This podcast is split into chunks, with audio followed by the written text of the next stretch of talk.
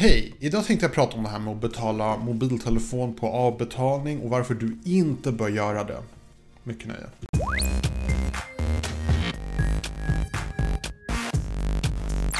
Hej och välkommen till min kanal, till Digitala Rutan. Eh, I den här videon så tänkte jag prata lite kort om varför du inte ska betala din mobiltelefon på avbetalning. Det finns ett väldigt kort och enkelt svar till det.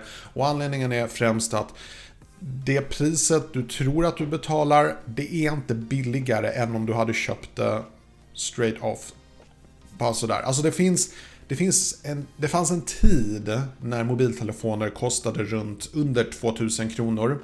Och då kunde det löna sig för till exempel Tele2 och 3 och alla de här eh, mobiloperatörerna att Eh, ge rabatt på mobiltelefonen för att du betalade mer för abonnemanget.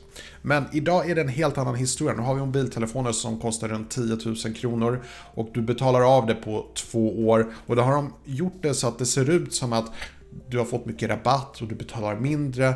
Men du får aldrig den rabatten du tror. Det finns ingen, alltså det enda du kan få rabatt på det är om du köper budgettelefoner som kanske ligger på runt 2000 kronor. Där tycker mobiloperatörer fortfarande att det är värt att ge rabatt. Men på stora mobiltelefoner, det är ingen som helst skillnad. Så Nästa gång du ska köpa en mobiltelefon och du tror att du blir smart genom att ta det på avbetalning, gör det inte. Kolla först hur mycket den summan blir på avbetalningen och sen jämför det med om du hade köpt det bara sådär. Eller om du till och med hade köpt det på 10 månaders avbetalning. Men generellt, jag skulle inte råda dig till att köpa någonting på avbetalning för mobiltelefoner förändras hela tiden.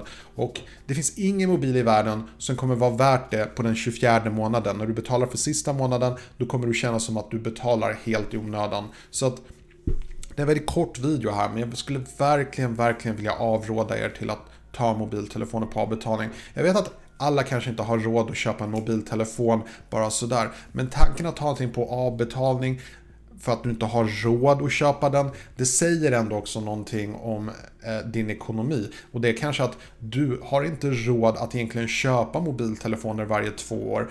Det du bör göra är att lägga undan pengar så att du kan köpa en mobiltelefon direkt.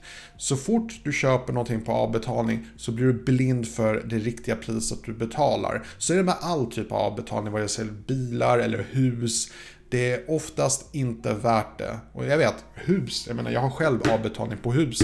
Men det är lite annan situation. Jag menar, du kan bokstavligen inte bo i hus om inte du betalar av det. Det är knappt någon i Sverige, även miljonärer betalar av sina hus.